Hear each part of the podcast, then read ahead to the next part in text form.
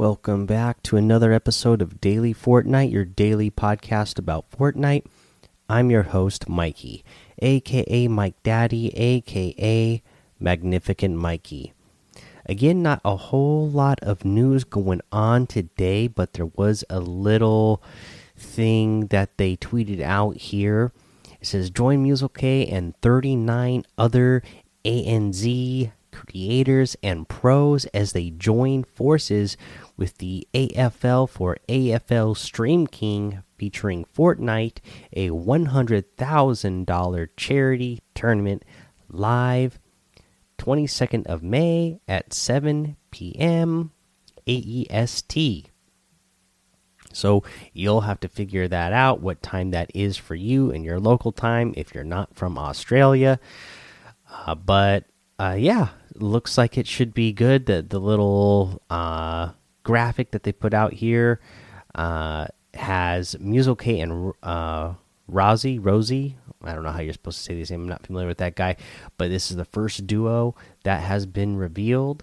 Uh, we also have Speedy and D and Stevenson, Punk and Sicily, Ghost Trapped and Laird.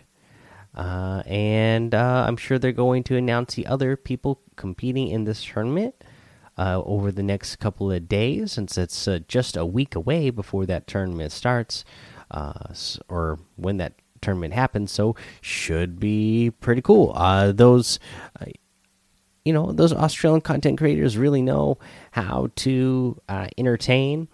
there's a lot of them that I like, and they happen to have some really good pros over there that are up and coming on the scene. So should be pretty fun to watch other than that, no news. Uh, you know, the challenges, we went over the challenge list. And again, you know, it's just grind. It's just about grinding all those challenges and doing them. I mean, it, they tell you where to go for each challenge. So, you know, the, you know, you just got a couple of weeks and grind them out. That's all I can say for those. Uh, but, you know, definitely, you know, if you want those, uh, free selectable styles, then definitely don't don't uh, don't pass them up because it's going to be a lot of experience points to help you get all those. All right, let's go ahead, take a break here. We'll come back. We'll go over the item shop and our tip of the day. Okay, wow, this item shop is a really good one today. A lot of my favorite stuff in here. Uh, we have the Lava Legends pack still here. We also have the Bright Bomber outfit for 1,200 V bucks. I love this one, as well as the Bright Gunner outfit that comes with the Bright Bag back bling for 1,500 V bucks. You have the Rainbow Smash harvesting tool for 1,500. Fantastic one, gotta love that. The Bright Blimp glider for 1,200. Uh, we have the Stoneheart outfit with the Wings of Love back bling. I love this set here. 1500 the cupid's dagger harvesting tool for 800 we have one of my most favorite outfits the grim fable outfit with that really cool back bling the pack leader back bling uh, this is 1500 v bucks as well i absolutely love this one. You have the big bad axe harvesting tool for 800 this is a really cool harvesting tool if you ask me. And the wolf hunter wrap for 500 v bucks. We have the redo reda redux outfit for 1200 v bucks. It comes with that bionic relay back bling.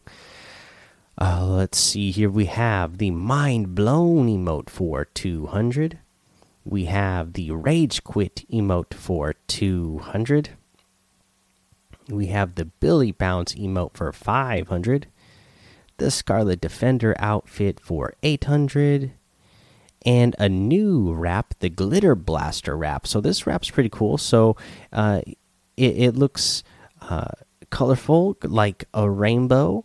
You got a, a, like a green, yellow, violet, and a purple color there. But then when you shoot your weapon, this is a reactive wrap.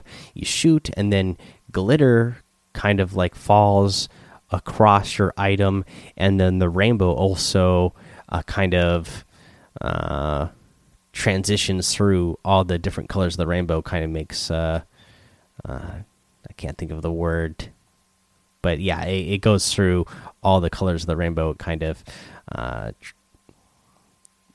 I don't know. why I can't think of the word. Anyways, it looks really cool. Go check it out. You can get any and all of these items using code Mike Daddy M M M I K E D A D D Y in the item shop, and some of the proceeds will go to help support the show.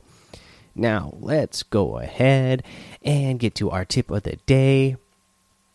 And again, now uh, going back to more uh, competitive play again and just some uh, thought process of of playing in the competitive end right now, trying to get those elimination points.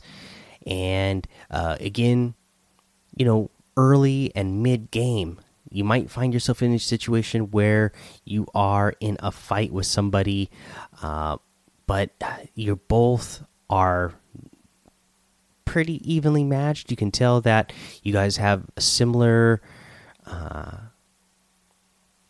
similar loadout. Uh, you both clearly have mats, or you're both, you know, in a situation, especially if this is early game, you're in a situation where you're in a house together and you are constantly trying to peek around corners to shoot.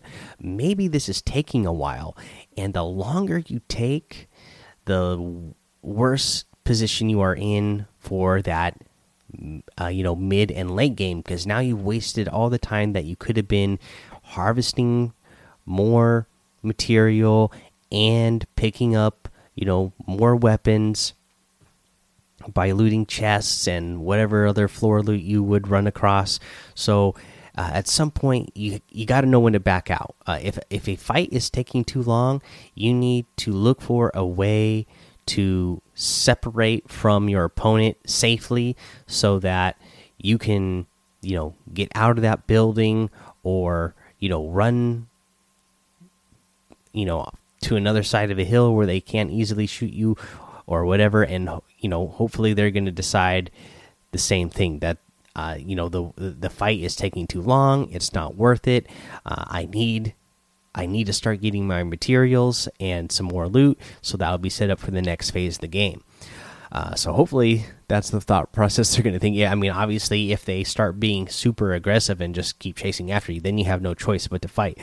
But for you, if you find yourself in a situation, hey, this fight's taking like 30 seconds, a minute, uh, you know, especially if it's going over uh, a minute long, it's time for you to start figuring out a way to get out of there safely so that you can start getting your materials for the next phase of the game so that you're not going to be uh, at a disadvantage to all the players who were safely harvesting materials that entire time and opening multiple chests and multiple ammo boxes uh, you know you need to you, you need to at that point you're playing catch up so don't let yourself get in a game of cat and mouse with another player for too long.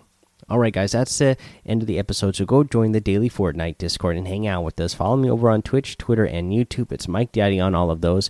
Head over to Apple Podcasts, leave a five star rating and a written review for a shout out on the show. Make sure you subscribe so you don't miss an episode. And until next time, have fun, be safe, and don't get lost in the storm.